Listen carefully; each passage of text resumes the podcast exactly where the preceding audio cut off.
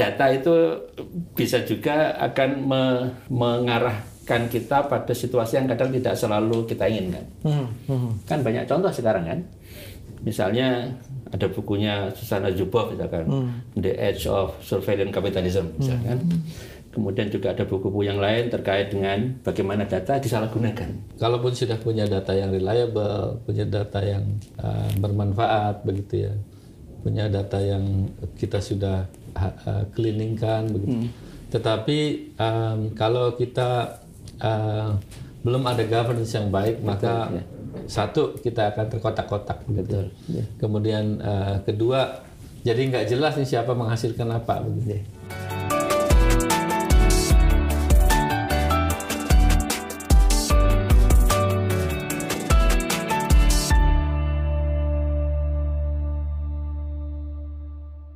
Halo semua, selamat datang di Bincang Kajian, obrolan kajian kebijakan yang tayang di kanal YouTube uh, eh, PSKLN Kemu RI.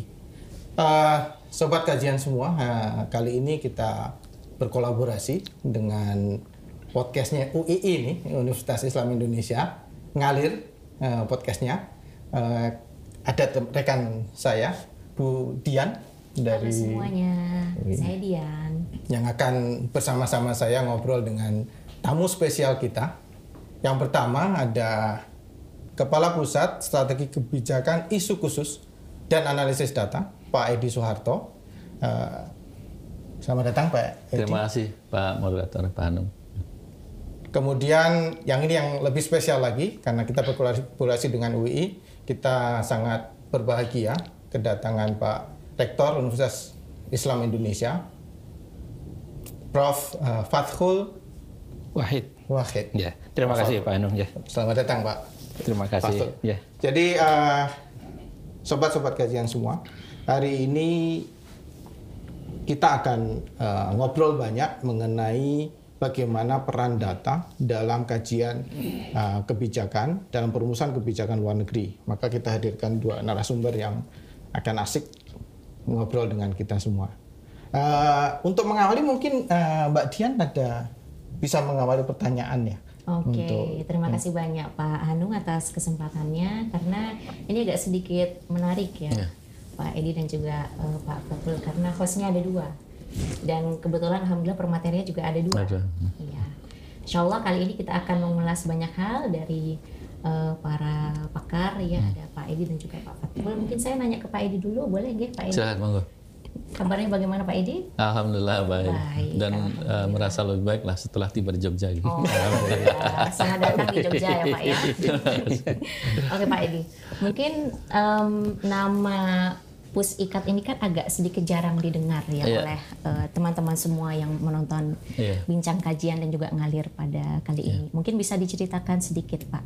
Pus Ikat itu sebenarnya apa sih? Adanya dari tahun berapa dan juga yeah. kenapa kemudian uh, Pus Ikat ini dibentuk? Nah, gagasannya apa? Yeah. Uh, terima kasih Mbak. Uh, jadi memang pusat ini lahir tahun lalu uh, 2022. Um, kalau berbicara kelembagaan maka lahirnya ini uh, karena adanya peraturan Menteri Luar Negeri nomor 6 mm-hmm. tahun 2021. Uh, tugas utamanya adalah melakukan analisis data okay. untuk menunjang uh, kepentingan diplomasi dan semua kita tahu bahwa prioritas diplomasi kita adalah diplomasi ekonomi. Mm-hmm. Oleh karena itu kita uh, melakukan analisis data untuk uh, menopang diplomasi ekonomi tersebut. Mm-hmm. Itu um, apa namanya um, tujuan utama dibentuknya uh, pusat yang baru ini. Mm-hmm. Nah kemudian kalau kita berbicara analisis data maka kita tidak lepas dari apa yang terjadi di dunia sana. Kita tahu bahwa perusahaan Amazon, Google, mm -hmm. McDonald's dan lain-lain, saya menyebut nama maaf nih ya. Iya nggak apa-apa. Tetapi uh, mereka adalah perusahaan-perusahaan besar yang sudah uh, meng-hire apa yang disebut dengan uh, uh, data analytics yeah. untuk pengambilan keputusan mereka. Jadi uh, strategi ini kemudian diadopsi oleh pemerintahan mm -hmm. uh, dan Kemlu uh, sudah uh, men uh, menggarisbawahi bahwa hal ini juga perlu diadopsi oleh uh, dunia diplomasi begitu sehingga ya. lahirlah pusat ikat. Jadi uh, kalau kita berbicara pengambilan keputusan di Kemlu, hmm. maka secara historis kita kenal barangkali dulu tuh pengambilan keputusan itu orang bisa berdasarkan intuisi, hmm. berdasarkan pengalaman, berdasarkan um, apa wisdom gitu hmm. ya, insight uh, dari uh, uh, staff pandangan-pandangan uh, mereka. Tapi kemudian ini kan berubah, berubah menjadi uh, data driven gitu. Jadi hmm. pengambilan keputusan itu uh, yang teruji lebih baik adalah yang berdasarkan data gitu. Nah. Hmm ini misalnya ditopang oleh penelitian Oxford Economics yang mengatakan bahwa 78% hmm. pengambilan keputusan yang dilakukan oleh para profesional adalah dengan menggunakan data. Hmm. Jadi kira-kira latar belakangnya seperti itu. Kemudian uh, Gartner Inc.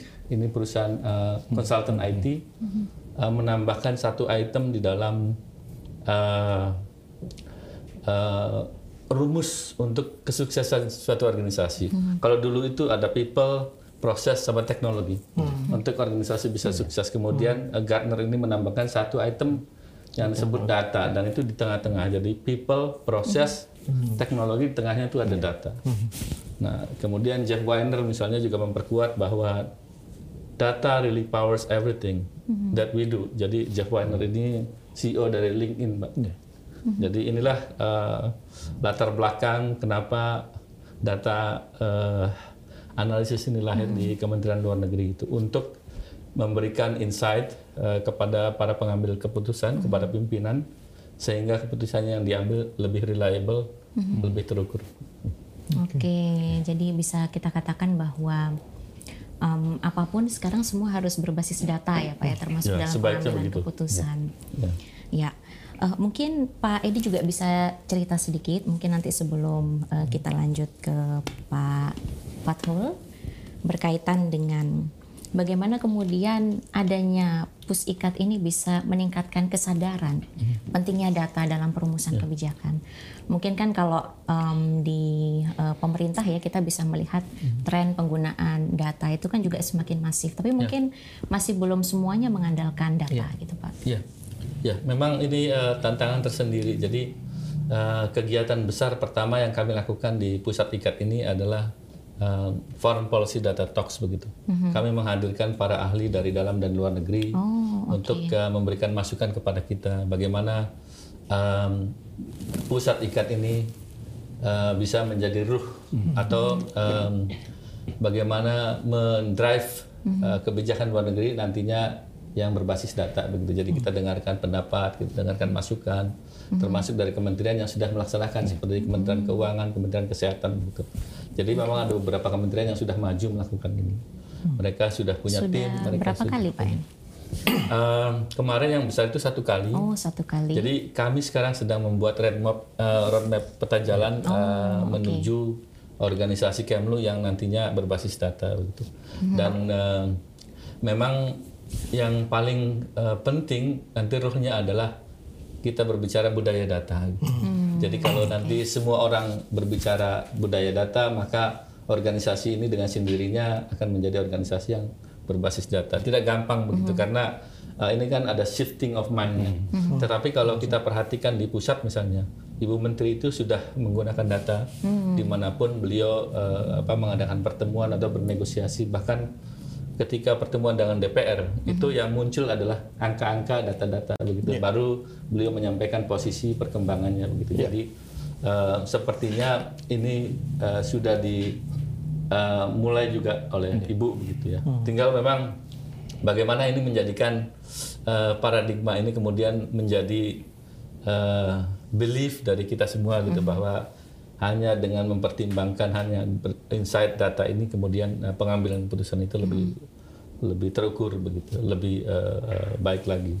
Baik. Wah. Ya, ini nah, Pak, Pak Kapus, eh, Mbak Dian ini ya apa yang disampaikan Pak Kapus itu jadi jadi sesuatu yang yang menarik ya menampilkan hal baru bahwa budaya data hmm. menjadi sebuah new normal ya. Hmm. Budaya sih semakin semakin semakin aware. Uh, mungkin banyak, tidak hanya Kementerian Luar Negeri, hampir di semua governance ya Pak Fatul ya. Uh, maka tergelitik saya untuk menanyakan ke Pak Fatul nih ya, sebagai uh, pakar yang sering nulis mengenai tata kelola terutama di bidang teknologi informasi Pak. Dengan kemajuan ICT Pak. TIK ini ya, kemajuan disrupted everything termasuk di governance. Bagaimana tata kelola data yang baik nih? Sehingga tadi yang disampaikan Pak uh, ke Pak Edi mengenai bagaimana perlunya analisis data yang lebih ya. kuat dalam perumusan kebijakan. Bagaimana kita menggovern ini? Tata kelolanya ya. seperti apa? Baik, terima kasih Pak Anung, Manajen, Pak ya, Kapus. Ada beberapa isu yang tampaknya bisa mewarnai diskusi. Yang pertama adalah ini untuk apa? Gitu. Hmm. Artinya ini akan membuat kita mencari arah yang tepat. Okay. Misalnya, tadi untuk kebijakan atau diplomasi ekonomi. Hmm. Hmm. Artinya kan data terkait menjadi penting. Okay. Nah, pertanyaan yang kedua adalah ada datanya enggak? Oke. Okay. nah, kalau enggak ada dicari di mana gitu nah. Kalau tak sudah ada, bentuknya seperti apa? Hmm. Apakah terstruktur, hmm. apakah tidak? Ini kan memerlukan pengolahan yang berbeda. Hmm. Nah, baru kemudian saya yakin data ini kan tadi disebut data driven ya. ya. Mungkin level yang lebih tinggi kalau saya menyebut itu data inspired gitu. Ah, ya, okay. ya, ya. Artinya apa? Pengalaman, akumulasi, hmm. uh, apa interaksi yang selama ini terjadi antar negara itu menjadi, menjadi tambahan amunisi untuk menginterpretasikan data. Hmm. Oke. Okay. Nah, sehingga bisa jadi bayangan saya, saya tadi ketika membaca ada pusat baru itu saya membayangkan. Hmm di Kemlu nanti ada satu ruang besar ya, dengan dashboard yang besar, ada peta global di eh, iya, sana iya, iya, dan semua data berlayar-layar itu ada dan itu langsung bisa kita menentukan wah kita kalau di negara itu yeah. bisa terlibat seperti ini. Yeah. Yeah. Sekarang yang menjadi perhatian warga negara X mm-hmm. itu ini loh. Yeah. Nah misalnya saya membayangkan berita hmm. di banyak negara itu kan bisa di diolah Betul. data yang tidak terstruktur. Oh ternyata di negara A itu yang sekarang menjadi perbincangan adalah konflik di wilayah tertentu misalnya. Hmm, hmm, hmm. Dan ternyata punya dampak di sana. Hmm. Dampaknya apa? Oh pasukan gandumnya bermasalah misalkan. Yeah. Nah, artinya kalau kita bicara konflik saya membayangkan seperti ini. Oh kira-kira negara mana tuh yang punya kelebihan pasukan gandum dunia? Nah, yang itu bisa kita dekati dan lain-lain. Nah, kalau itu bisa nanti di, tampilkan dengan cara yang pas sehingga mudah diinterpretasikan. Hmm. Tapi akan sangat menarik, apalagi kalau itu bisa diakses oleh semua diplomat yang ya, berkepentingan. Ya, ya. Hmm. Jadi Pak Fatur, jadi yang yang Bapak sampaikan artinya yang paling pokok adalah memahami tujuan dari dari olah ya. datanya, kemudian sources dari datanya, baru kita ngomong tata kelola. Betul, itu pola pikir satu. Artinya kita pola pikir berbasis tujuan kita. Hmm. Tapi kita juga harus menyiapkan dengan kejutan. Oke, okay, oke. Okay. Artinya pola pikir yang lain. Hmm. Data itu bisa berbicara, Pak. Hmm. Oke. Okay, hmm. okay. Ya, jadi ada tilikan-tilikan baru yang tidak pernah kita bayangkan. Hmm. Kita harus menyiapkan diri. Oh, jangan-jangan selama ini persepsi kita itu agak kurang pas loh, perlu dibelokkan sedikit. Oke. Okay. Nah, sehingga okay. ada dua pendekatan, ada deduktif, ada induktif. Oke. Okay. Nah, jadi tidak hanya bermula dari masalah, tapi juga bisa bermula dari potensi. Hmm, hmm. Karena tadi Pak Kapus sudah mengatakan data ini adalah bahan bakar baru, minyak hmm, baru. Ya, ya. Nah, itu kan kalau disisa dia ngaku. disisa itu ngaku dengan beragam cara, kan analisis statistika, Eh, kecerdasan buatan dan mengaku polanya seperti ini loh. Itu yang saya bayangkan. Kalau itu bisa kok menurut saya luar biasa. Jadi tidak hanya terjadi di film-film Hollywood, ya, ya. Nah, tapi di dunia nyata pun itu ya, bisa ya. terjadi. Bisa nggak Pak Fatul ini uh, yang terjadi ini yang disampaikan Pak uh, Kapus tadi mengenai new oil dan sebagainya menjadi sebuah bahan untuk menjadi foreign policy outlook misalnya? Saya melihat itu sangat mungkin, Pak. Hmm. Sangat mungkin. Ini kan bisa eh, pemodelan kebijakan, hmm. kira-kira gitu. Dan ketika data itu ditambang dengan tepat, hmm. diolah dengan cara yang pas, dengan beragam algoritma lah kira-kira seperti hmm. itu, dan menghasilkan tilikan-tilikan yang yang relevan. Hmm. Artinya data itu kalau tidak data tidak selalu bermakna. Hmm ketika tidak diolah dengan tepat dan memberikan tilikan yang relevan. Ya. Dan data itu menjadi sampah. Ya, ya, ya. Nah, hanya memilah data juga penting. Mengapa?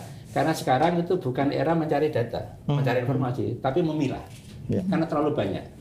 Ya, ya. Nah, sehingga penggunaan teknologi informasi yang tadi disampaikan oleh Pak Hanum itu akan membantu karena kapasitas kognitif kita untuk mencerna data dan struktur sekian banyak Udah cukup, nggak itu kan cukup ya. sangat Sangat terbatas. Terbatas. sehingga akan ada tilikan besar dan pengalaman dari para diplomat itu akan sangat penting untuk mencerna oh ternyata bisa seperti ini loh. Nah, kalau itu bisa kok luar biasa ya. Hah?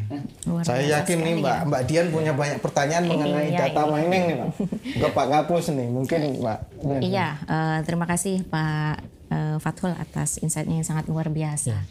Eh, tapi tadi ketika saya mendengarkan eh, beberapa contoh atau gambaran dari Pak Fathul bagaimana data ini bisa sangat penting dalam pengambilan keputusan, bahkan ketika kita melihat sentimen dari publik seperti apa, kita bisa melihat ada potensi konflik di situ. Kemudian ternyata ini juga akan mempengaruhi uh, supply chain. Itu kadang kita tidak terpikir bahwa ada hal yang seperti ini.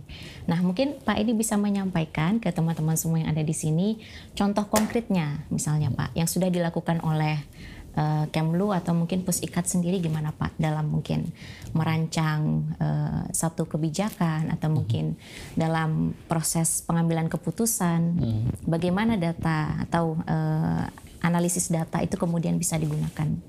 Ya, Uh, terima kasih. Saya nyambung dulu um, apa yang tadi disampaikan oleh Pak Rektor tadi Oke.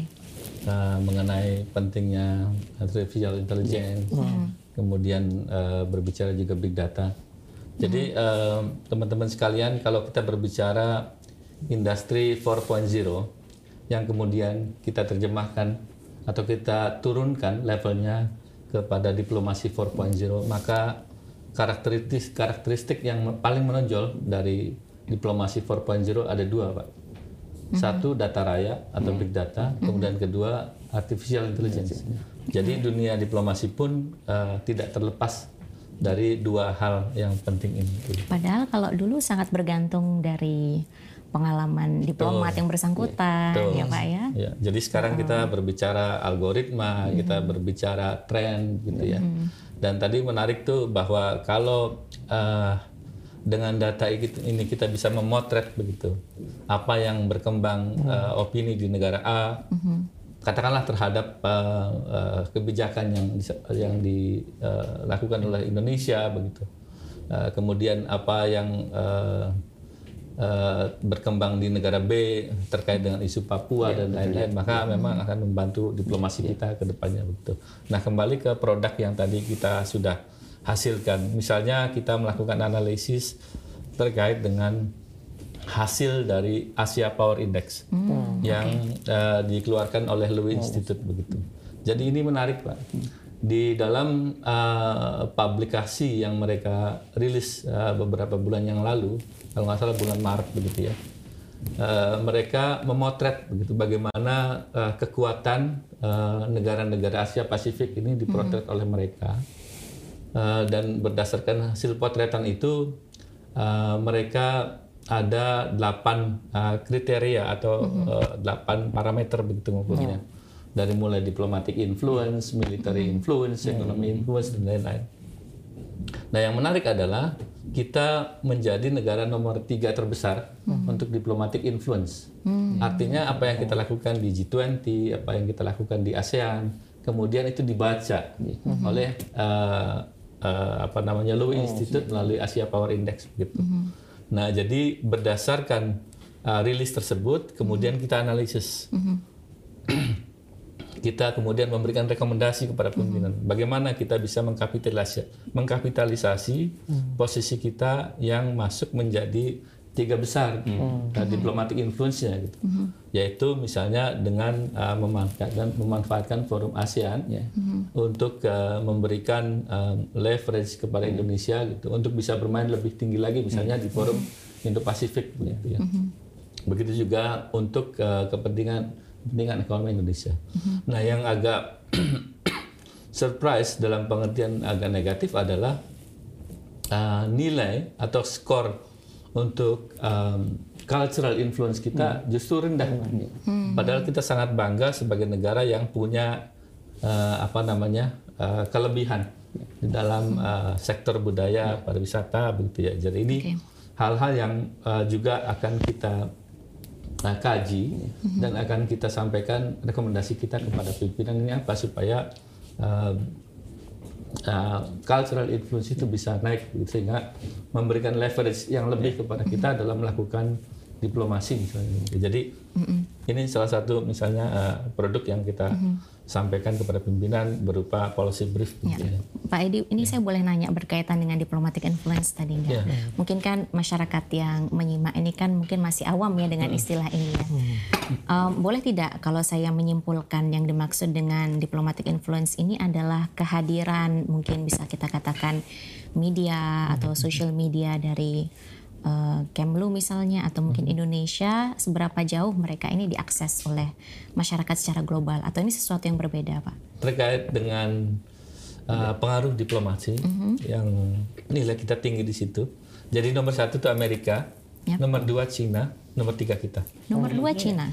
Bahkan dengan China itu angkanya hanya terpaut satu kalau nggak salah. Oh, satu. Jadi kita memang Selisih uh, tipis ya, sangat Pak, tinggi ya, selisih tipis begitu.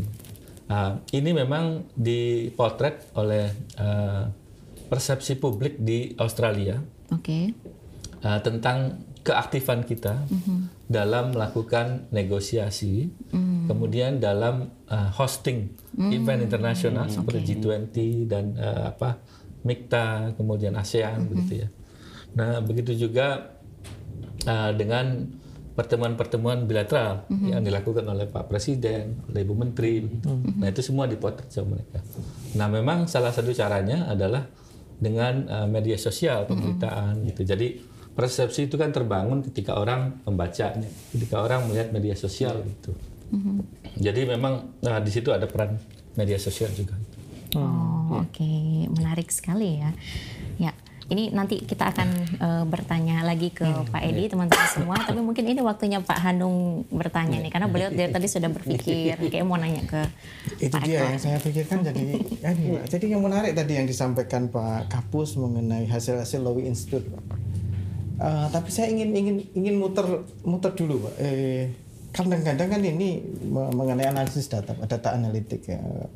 Tadi Bapak sampaikan yang penting adalah sourcesnya. Eh, problem yang dihadapi oleh uh, organisasi pemerintah biasanya karena karena we are quite late ya in, into it uh, adalah kelatahan mbak. Latah untuk menggunakan data memakai ICT menggunakan uh, aplikasi untuk narik data dan sebagainya bikin data center yang kemudian menggunakan banyak sekali aplikasi Bagaimana menghadapi challenge ini, Pak? Terutama kan, Pak, dari dari kami ya, eh, apa namanya, ada pusat baru yang harus mengelola data dan sebagainya. How we can mitigate these challenges, Pak? Saya melihat yang pertama ini kan terkait dengan kepemilikan data, atau data ownership kan. Data itu milik siapa? Ya, kemudian kalau itu sudah ketemu, pertanyaannya pemiliknya itu berkenan enggak, mau nggak berbagi? Oke, oke. Kalau mau sampai level apa? Hmm. Nah pertanyaannya kan gini, kalau Kemenlu itu kan sama dengan kementerian yang lain ya, Ya, levelnya kan? levelnya betul. kan tidak bisa memerintah kira-kira gitu. Nah, sehingga saya membayangkan itu harus ada yang lebih atas. Ini yang mengorkestrasi bahwa kamu lo harus store data ke sana. Oke. Kamu harus buka pintunya selebar ini loh. Tanpa itu kan tamunya agak susah ya. Nah, Apalagi setara kan ya. Betul, betul. Dalam hubungan birokrasi kan ini setara. Setara, betul, betul. Nah, jika kalau itu mungkin, kami akan sangat menarik. Hmm. Seperti contoh misalnya membayangkan ini dengan latar belakang saya yang dari informatika yang agak awam, contoh misalkan data dari Departemen Perdagangan itu kan lebih lengkap ya katakanlah Betul, betul. Data terkait ekonomi. dengan dan terkait dengan ekonomi tadi kan. Biasanya potensi negara-negara negara kita dan juga negara lain, misalkan hubungan ekspor impor dan lain-lain.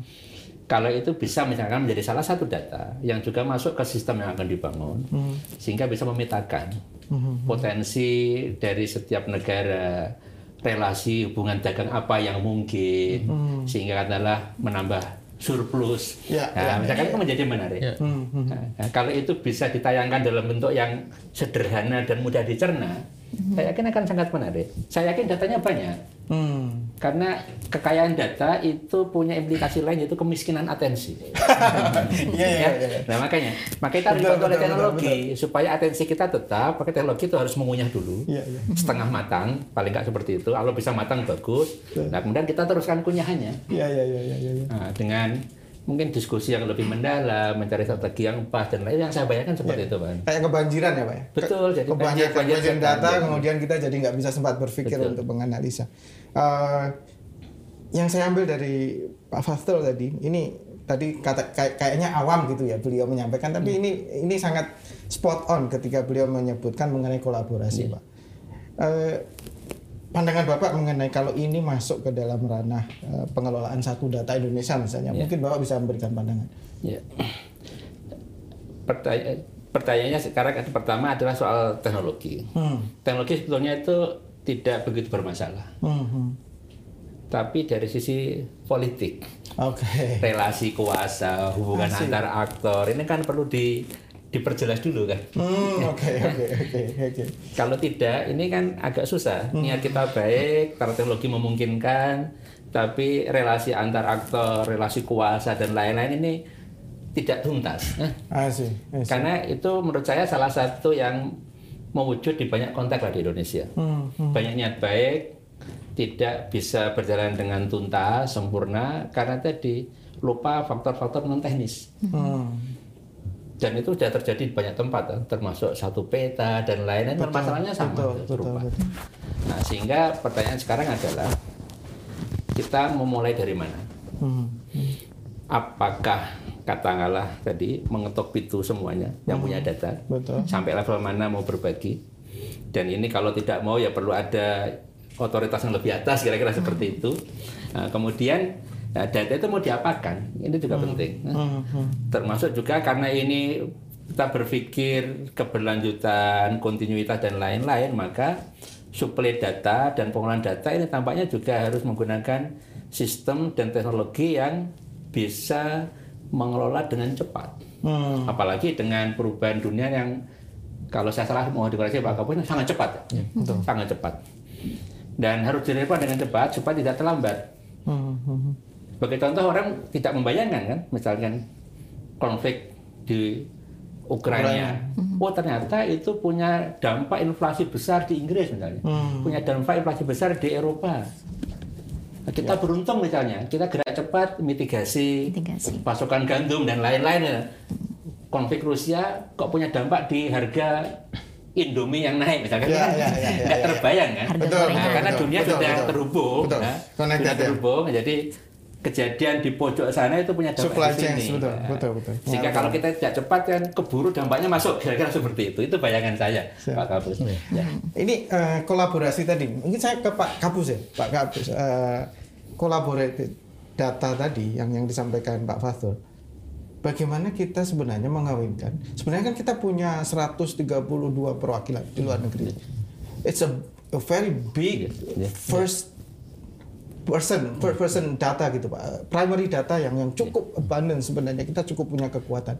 Bagaimana eh, kita bisa mengelola ya? Dari mungkin pusat baru sudah eh, punya apa namanya proyeksi ke depan. Bagaimana mengawinkan this primary data yang collected from this 132 missions Indonesian missions dengan yang tadi Pak Fatul sampaikan data-data secondary dari data perdagangan. Monggo Pak Kabus. Ya. Terima kasih Pak Hanung atas pertanyaannya. Jadi ini ada dua hal ya. Satu adalah terkait dengan uh, uh, koordinasi kerjasama internal di Kementerian uh, Kemlu dan kementerian yang lain. Gitu. Kita kan punya satu data ya. Kemudian memang kalau kita lihat di sini yang baru kita provide data itu terkait dengan uh, data WNI kita Pak di luar WNI, ya. Ya, jadi memang masih ada data-data lain yang perlu uh, kita juga share kepada kementerian lain, kepada uh, bisnis dan lain sebagainya sehingga menjadi informasi yang bermanfaat. Nah, tentunya yang pertama untuk uh, hal ini kita harus uh, bisa bekerja sama, artinya ada ekosistem yang baik di situ.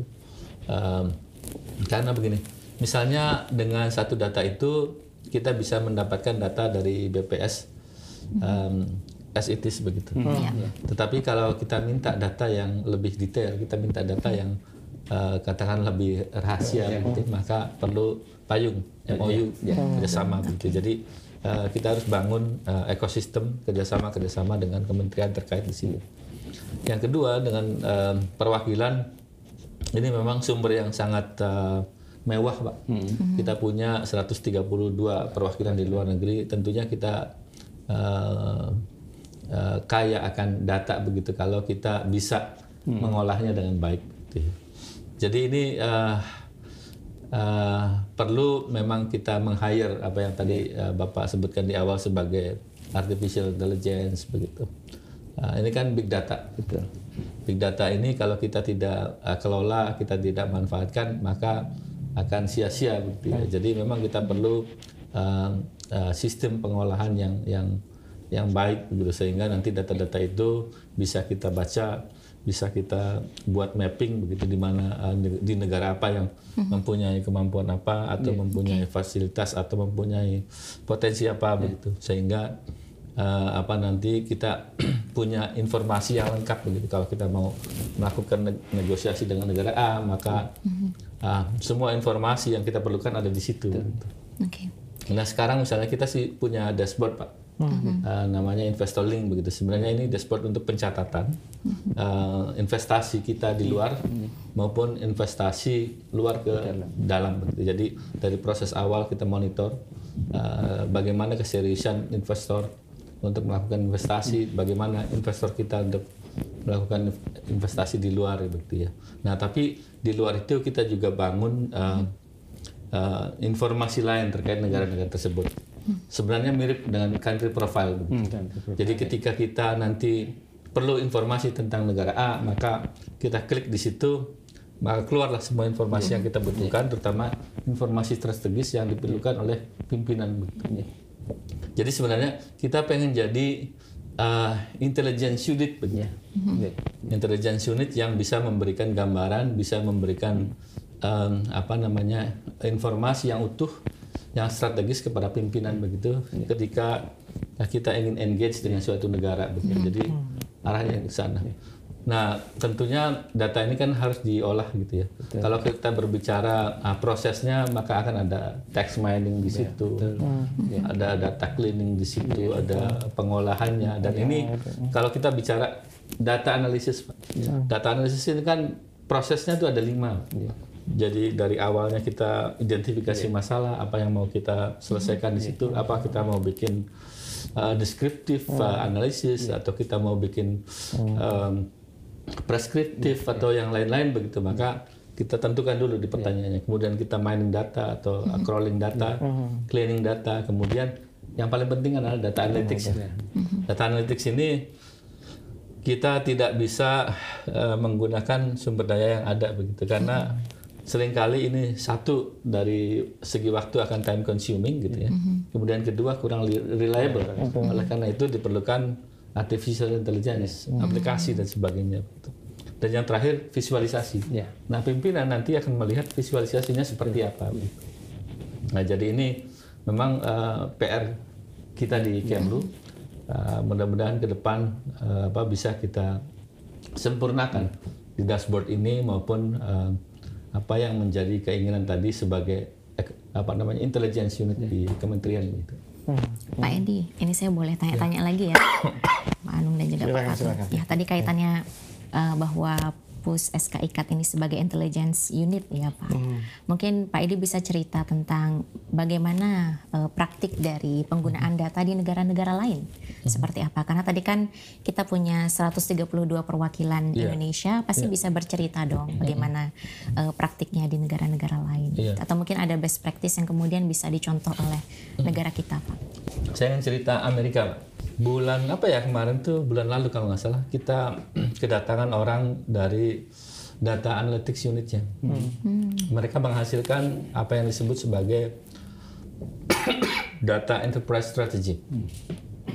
Data enterprise strategy ini berupa sebenarnya peta jalan, Pak. Hmm. Ini uh, bagaimana Kementerian Luar Negeri Amerika menjadikan data ini sebagai driver begitu ya di dalam hmm. pengambilan keputusannya tetapi mereka tidak menggunakan data driven organization. Mereka menggunakan data informed organization. Form organization. Nah, kalau bi- bisa inform, bisa in- inspire, Inspire, gitu ya. Tapi yang jelas kan penggunaan data itu sebenarnya di level bottom up gitu ya. Jadi ketika kita uh, sebagai staff bisa memberikan insight, bisa memberikan masukan kepada pimpinan, yang memutuskan kan pimpinan. Tetap ya. Bahwa data ini dipakai atau beliau punya pertimbangan lain itu hal yang lain begitu. Nah mereka uh, baru lima tahun Pak, berdiri, tetapi sekarang itu sudah lebih dari 300 um, SDM yang sudah ada situ dari lima. SDM. Apa yang mereka lakukan? Mereka deploy ke unit-unit uh, terkait. Ke perwakilan mereka deploy. Jadi di perwakilan-perwakilan mereka, kedutaan mereka itu di dalam mengambil keputusan ada orang yang memberikan advice tentang datanya ini loh. Ya, ya, ya. Gitu, indeksnya tuh ini, skornya tuh ini. Ya. Nah nanti pimpinan yang mengambil keputusan gitu. Tapi dari bawah bottom up gitu, kita memberikan informasi yang lengkap berupa data-data yang tersedia. Gitu. Ya, boleh saya tanya lagi Pak? Ya. Nah kaitannya dengan em, kerjasama atau mungkin eh, kemitraan atau jejaring, mungkin eh, ada tiga, tidak mungkin pus eh, SK Ikat ini bekerja sama dengan tadi mungkin salah satunya dari eh, US atau mungkin em, misalnya seperti UN Global Pulse, ya big datanya UN, apakah juga termasuk gitu Pak? Iya. Jadi kita sekarang sedang explore ini.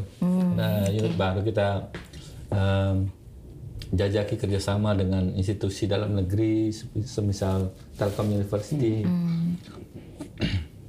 Kita salah satu kekurangan, Mbak. em, jadi gini, data scientist itu profesi yang paling dicari sekarang. Hmm, Oke.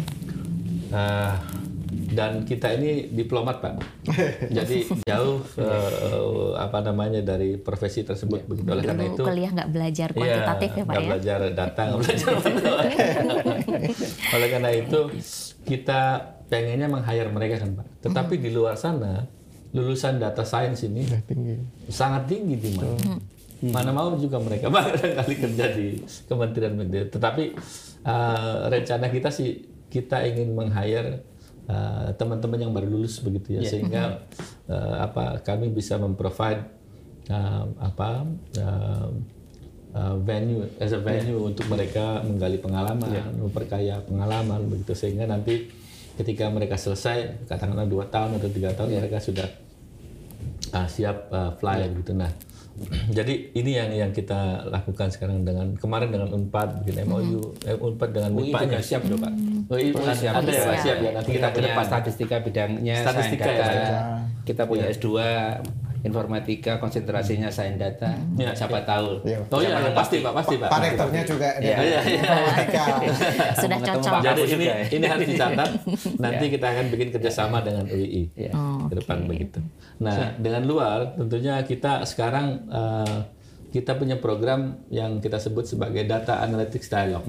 Jadi eh, sementara ini kita melakukan dialog eh, yang yang sudah eh, kemarin misalnya dengan Belanda, mereka juga punya eh, unit yang mengolah data ini Pak untuk eh, apa menjadi pertimbangan pimpinan mereka mengambil kebijakan. Nah, eh, akhir bulan ini juga mau ke Korea begitu. Kita mau belajar dari mereka.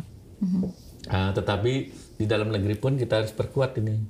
Karena SDM kita kurang makanya kita senang sekali kalau ada ah, universitas yang kirim mahasiswanya magang ke tempat kita.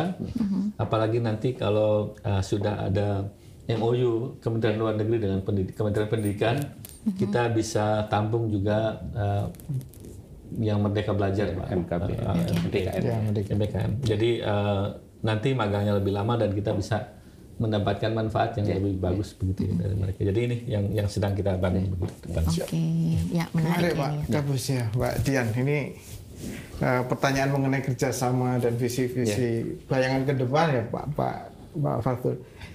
Eh, dalam bayangan saya ini it, it seems that apa namanya, kelihatannya bahwa kolaborasi itu kan pasti akan drive inovasi di Betul. Kalau orang sama-sama berkolaborasi, antar kementerian juga berkolaborasi. Tadi Pak Kapus menceritakan bagaimana Iya. kolaborasi dengan banyak banyak pihak.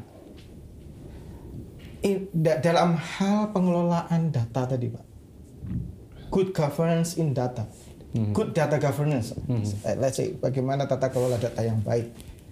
Eh, apa yang sebaiknya dilakukan, best practice seperti apa yang dilakukan sehingga bisa mendorong inovasi ke depan Pak di pusat Pak Pak eh, Pak Edi kami bisa bisa lebih memitigasi banyak hal sehingga proses untuk tumbuh Pak Ya.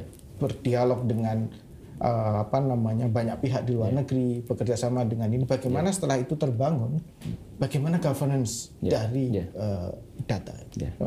Terima kasih Pak Anung. Salah satunya adalah kualitas data.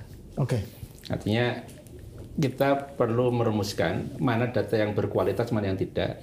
Ini bisa dilihat dari beragam aspek lah. Salah satunya misalnya terkait dengan relevansi. Yang kedua terkait dengan kontinuitas pasokan misalnya. Oke, Nah, itu juga oke. penting. Kan? Nah, oke. Terus kemudian terkait dengan keandalan. Hmm, hmm, hmm, hmm. Ini ini kan penting bisa ditambahkan. Jadi banyak untuk mengukur kualitas data. Nah, ketika ini sudah, maka kita akan bicara tadi isu lain Hmm. Kepemilikan. Oke. Karena saya nggak yakin semuanya di satu tempat kan. Ya. Ini milik iya, tersebar. iya, iya, gitu. betul, betul. Dan kemudian tidak kalah penting adalah juga pembagian peran. Hmm, hmm. Contoh tadi, perwakilan 102 32 perwakilan. Itu terlibatnya seperti apa? Apakah hanya sebagai konsumen? Apa juga terlibat sebagai pemasok gitu Iya, kan? iya, iya. Oh, masyarakat. Nah, mereka bisa mengakses dashboard untuk memasuk data. Yang ini bisa digunakan tidak hanya oleh diplomat yang ditugaskan di negara ter- tersebut, Betul, betul, tapi bisa dipakai oleh Seluruh semuanya. stakeholders Nah, termasuk juga misalnya saya membayangkan juga nota-nota diplomat diplo- kan Ya, banyak kan. betul, betul, itu kan betul, bentuknya kan betul. teks. Nah, itu kan Laporan, kalau laporan, bisa ya. ditambah, Dimain ya. nah, kemudian bisa dicari polanya, namanya akan sangat membantu. Hmm. Termasuk juga mengekspresikan pengetahuan tacit Hmm, dari diplomat yang sebelumnya betul. ke yang sesudahnya.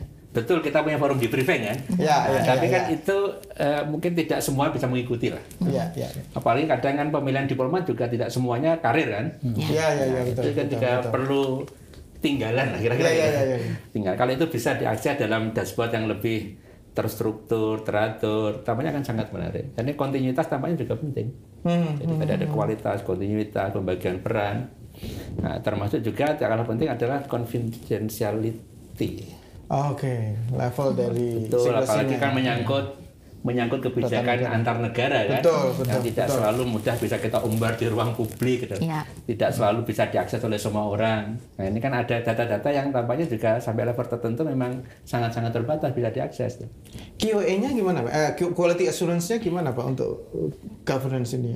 Paling mudah gitu ya, Pak? Ya, bayangan saya harus ada tim kecil lah paling enggak, Hmm. yang itu nanti bisa memantau eh, standar-standar yang sudah disepakati. Hmm, hmm. termasuk juga tadi masalah pembagian kewenangan itu kan kalau tidak itu kan tata kelolanya bisa bermasalah ya. Ah, Oke, oke. Nah, yang tidak kalah penting tadi kembali kepada yang disampaikan oleh Pak Kapus tadi budaya data Pak. Betul ya. kita sudah punya data tapi diabaikan itu kan Iya, iya, iya. bisa sakit hati yang menyiapkan Betul, betul, betul, betul, betul, betul, betul, betul. tidak dianggap sebagai sebuah konsideran penting misalnya ya. Nah bisa jadi memang belum sempurna, Iya. ya jadi relevansinya masih perlu ditingkatkan. Tapi itu kan bukan berarti tidak bermanfaat ya kan seperti itu. Apalagi misalnya eh, sudah disiapkan semuanya dashboardnya, tapi tetap saja tolong diberikan dong. Ya, itu bisa jadi terjadi. Ya kan? Artinya kan itu contoh budaya Budaya, data yang budaya, betul. paling paling konkret di lapangan lah gitu loh. Nah, saya punya contoh sederhana, Pak Anu. Suatu saat saya ke Bangkok, saya membaca koran. Di koran di halaman pertama itu ada berita. Beritanya gini, Indonesia butuh komoditas ini sekian ton per tahun. Di koran di halaman pertama Thailand di Bangkok. di Bangkok. Ini kan sangat menarik. Hmm. Artinya apa? Produsen komoditas yang dicari itu langsung peluang melihat, Indonesia. iya. gitu. Iya. Dan informasinya publik. Artinya apa? Tidak ada asimetri informasi. Hmm. Semua pemain di Thailand punya kesempatan Ya, yang sama. Ya, ya, ya, ya.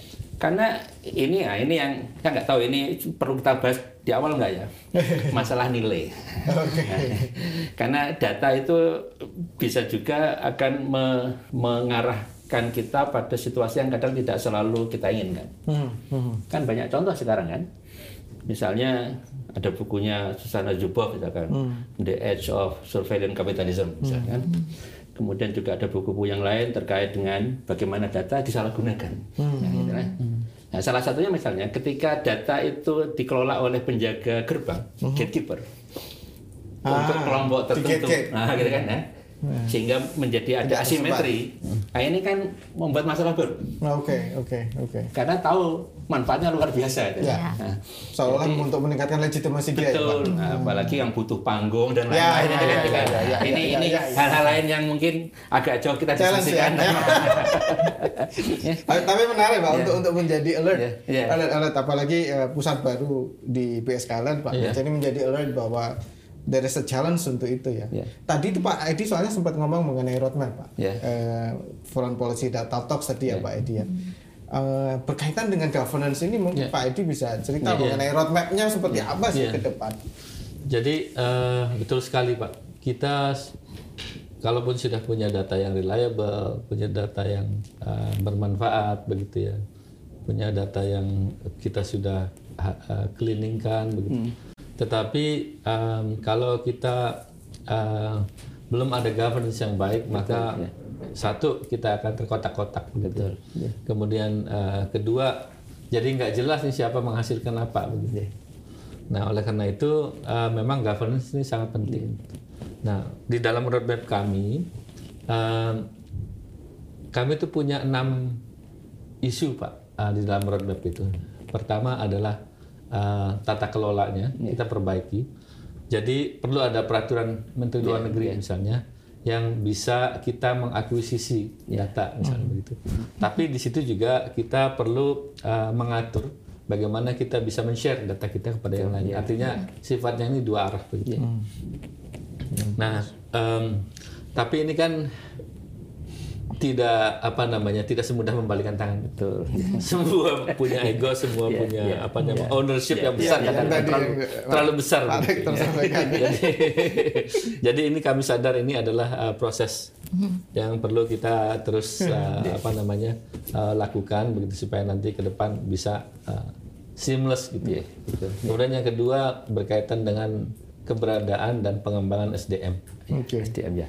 Jadi kami sekarang SDM-nya sangat kecil Pak sebagai pusat baru, apalagi SDM yang terkait dengan data science, terkait dengan data analytics, gitu, terkait dengan statistik. Kita ini sangat kurang. Gitu. Kami hanya punya satu statistician, statistis, apa ahli statistik, satu orang. Statistician. Jadi eh, ini perjalanannya masih panjang.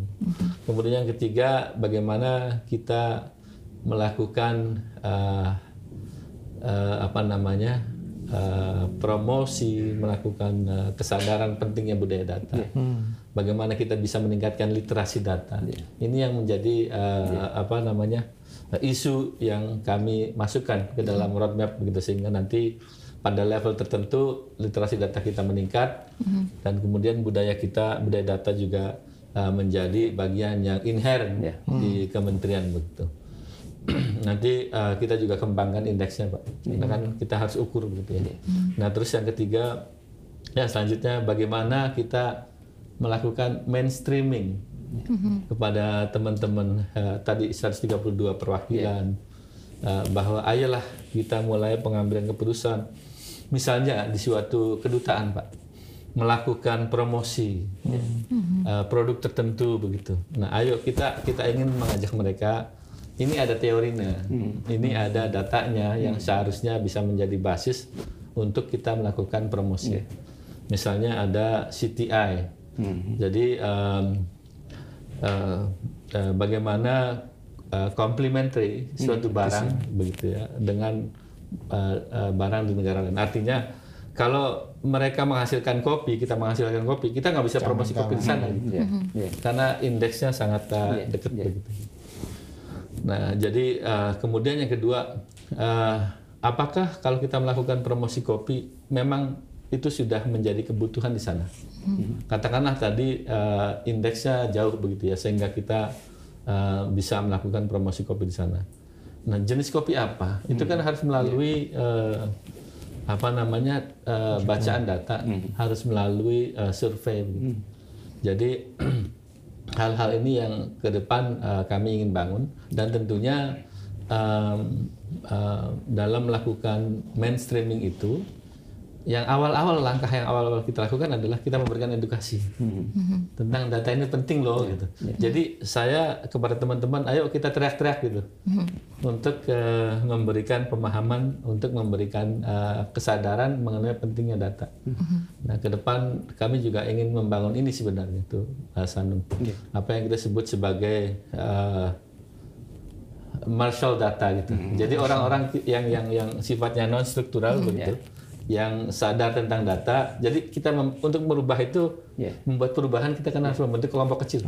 Champion, champion. Champion ya. Nah, champion ini nanti Akan kita akan eh, apa? eh, inkorporasi di dalam bentuk itu eh, Marshall data itu. Jadi ayo kita mulai berbicara data di situ, kita berbicara mungkin nanti kita berbicara hackathon Ya, gitu ya, ya, gitu ya. depannya. Tapi ya ini semuanya untuk eh, menunjang budaya data. Saya boleh tanya tak Pak Anu? Boleh. nah ini kan mumpung baru tak Pak Iya, Kapus iya. ya. Ada nggak yang udah terbayang kira-kira program quick win? Quick wins, ya. Nah, supaya itu kan penting untuk membangun budaya data kan. Iya, oh ternyata bermanfaat loh. Iya. Oh Iya, ternyata kalau seperti lebih nyaman loh. iya, iya, lebih iya. tepat sasaran loh. Betul. Iya, iya, Nah, iya. Kalau itu ada semacam Iya. program quick win itu kan akan memantik kesadaran baru. Betul. Iya. Apa ada ada yang pernah terbayang? Iya, eh, terima kasih Pak. Jadi yang ada di dalam eh, program kami eh, kita sebutnya sebagai linking eh, local to the global. Iya. Nah, jadi kita identifikasi eh, beberapa produk unggulan dari suatu daerah begitu untuk kita promosikan ke luar negeri. Tetapi yang kita lakukan ini berdasarkan tadi Pak teori Iya. Ada CTI, ada RCA gitu ya. Uh, jadi bagaimana kita melihat uh, apa namanya uh, competitive indexnya, ya gitu kan. Kita harus ukur nih gitu. Jadi um, rencananya kalau nggak salah bulan uh, Agustus atau September ini uh, kita ambil salah satu apa uh, wilayah uh, region Madura nih kalau nggak salah.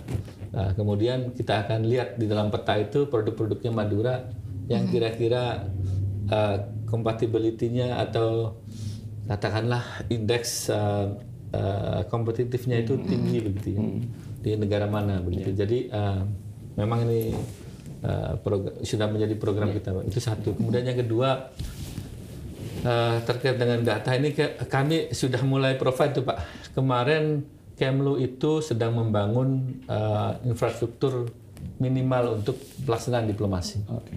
Nah, mereka ingin uh, uh, mendapatkan gambaran sebenarnya negara mana sih yang paling penting kalau dilihat dari kepentingan ekonomi kita misalnya.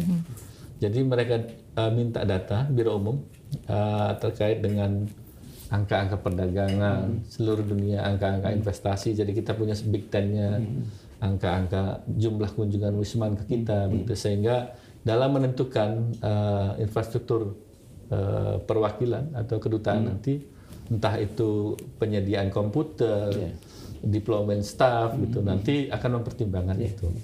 Begitu. Jadi sifatnya apa ya? Ya tadi uh, kita coba berdasarkan data gitu. Satu pertanyaan terakhir mungkin ya Pak Hanungi satu lagi dan ini pertanyaannya mungkin untuk menutup bincang kajian dan juga ngalir pada sesi kali ini. Mungkin pertanyaan ini untuk Pak Edi dan juga Pak Rektor. Kalau tadi mungkin Pak Edi sudah eh, menyampaikan tentang bagaimana raising awareness atau mungkin mainstreaming literasi data bagi perwakilan eh, Indonesia di luar negeri, kemudian juga bagi para stakeholder. Nah, bagaimana dengan masyarakat tadi Pak, agar masyarakat juga jadi lebih aware, kemudian literasi datanya meningkat, atau mungkin bisa mendapatkan akses data yang tadi misalnya ya em, produk-produk yang kompetitif dari Madura. Nah, itu kan mungkin untuk em, apa eksportir seperti itu. Nah, bagaimana agar masyarakat itu juga bisa lebih tahu Pak, bisa lebih melek data. Ya, ya terima kasih Mbak Sina.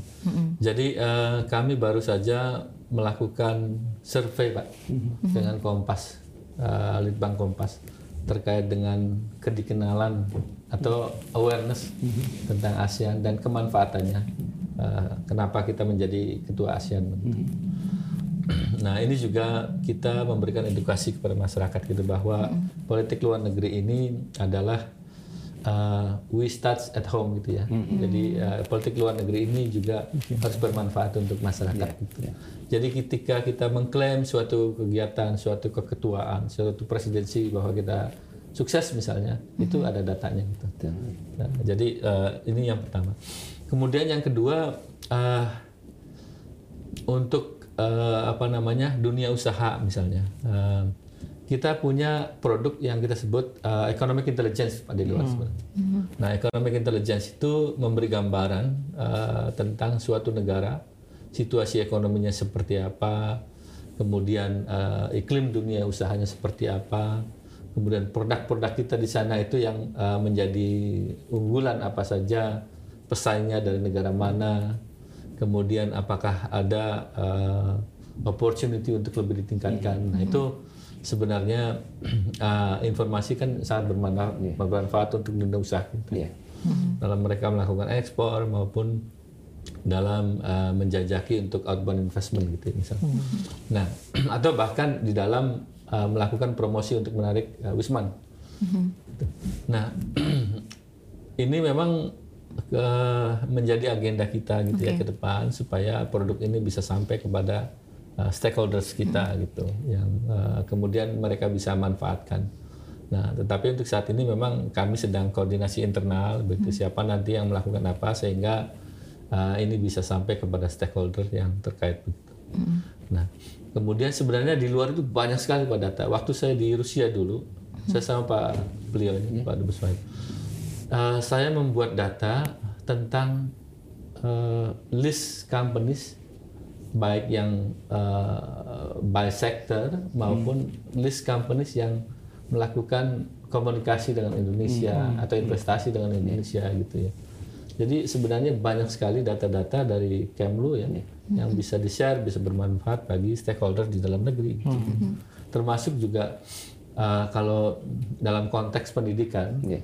uh, harusnya tuh perwakilan punya data uh, tentang di mana saja universitas yang mereka sediakan beasiswa. Yeah. Oh, okay. Kemudian bagaimana uh, kemudahan-kemudahan yang mereka bisa berikan yeah. di yeah. universitas tersebut begitu sehingga hmm. bermanfaat untuk adik-adik kita yang ingin yeah. melanjutkan sekolahnya, ingin uh, uh, mendapatkan pengalaman dan sebagainya. Yeah. Baik, terima kasih Pak Edi atas uh, pemaparan yang luar biasa. Mungkin terakhir ke Pak Rektor. Nah, Pak Fatul, gimana caranya kita bisa meningkatkan kesadaran masyarakat akan pentingnya literasi data? Satu, masyarakat ini perlu diedukasi dengan ilustrasi sederhana. Oke. Okay. Karena tingkat uh, pemahamannya berbeda-beda. Mm -hmm. Dan ilustrasi itu dibayangkan, saya bayangkan itu bisa memantik kesadaran baru. Mm -hmm. Contoh misalnya, apa sih yang terjadi ketika kita salah mengambil keputusan karena data yang diberikan pada kita itu tidak tepat. Ini kan langsung terpantik tuh. Yeah. Hmm. Jadi kalau orang di, di, dikasih bayangan konsekuensi hmm. itu akan mudah tersadar. Hmm. Contoh, ketika kalau saya ke adik-adik mahasiswa, kalau kamu suka mengumbar hujatan, ujaran kebencian hmm. di media sosial, nanti kamu akan bekerja. Hmm. Dan bisa jadi tidak membuat usaha sendiri di tempat orang hmm Kamu akan diminta akun media sosialnya dan lain-lain jejak gelap kamu itu akan muncul semua. Mm-hmm. Nah, setelah itu dia kesan, oh betul ya. Mm-hmm. Kalau saya sekarang itu agak nakal, mm-hmm. suka yeah, merundung yeah. orang lain dan lain, nanti punya dampak di masa depan. Mm-hmm. Nah, kesadaran terkait implikasi itu penting mm-hmm. untuk membangun literasi. Mm. Jadi dipantik nanti gini loh. Jadi memang agak nggak sehat menakut-nakuti, tapi ini kan membangun kesadaran sehat ya. Betul. Kesadaran sehat. Itu salah satunya.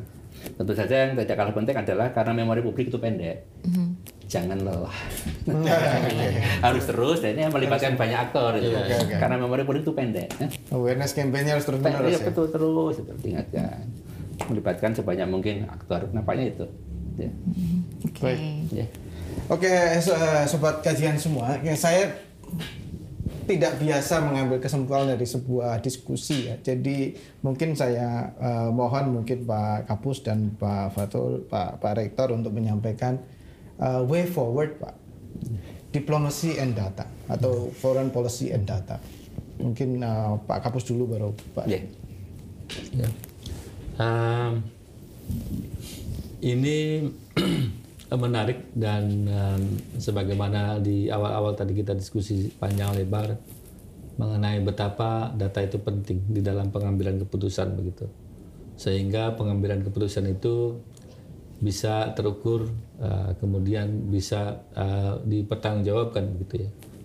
Sebenarnya di dalam banyak cerita saya mulai memperkenalkan itu biasanya dari cerita yang sangat sederhana pak cerita itu saya ambil atau saya quote dari uh, Ibu Dr. Supeli. Ibu Buhana Supeli ya. Iya, tentang masyarakat tahayul dan masyarakat Iya. ilmiah. Nah, kita bagaimanapun sebagai manusia modern, diplomasi modern, uh, kita harus percaya kepada data, kita harus percaya kepada teori. Jadi um, ini merupakan keniscayaan tetapi ini juga tidak mudah begitu. Uh, perlu uh, kesadaran bersama, perlu usaha yang didukung oleh semua pihak begitu. Tapi lebih penting lagi adalah komitmen dari pimpinan. Gitu. Nah, uh, untuk arah ke sana itu kami sebenarnya sudah uh, mengagendakan MOU uh, Kemlu dengan BPS. Uh, kami uh, sudah siapkan tagline yang nanti ibu akan baca, Ya, ya. yang uh, mengamanatkan pentingnya data di dalam uh, politik luar negeri atau di dalam berdiplomasi. Nanti tagline itu kami quote dan kami jadikan sebagai uh, komitmen pimpinan. Jadi uh, uh, masih panjang jalannya, tetapi saya sangat optimis bahwa ke depan kita uh, sebagai organisasi yang modern untuk melakukan diplomasi modern, uh, data uh, merupakan bagian yang sangat strategis dan sangat penting begitu dalam uh, pengambilan keputusan. Pak Rektor. Ya. Saya membayangkan agak berbeda nih Pak Anu. Melengkapi jadi gini. Yang tadi kan diplomasi level formal gitu, antar negara itu. Mungkin enggak misalnya ketika kita bicara data juga kita bicara people to people diplomasi misalkan.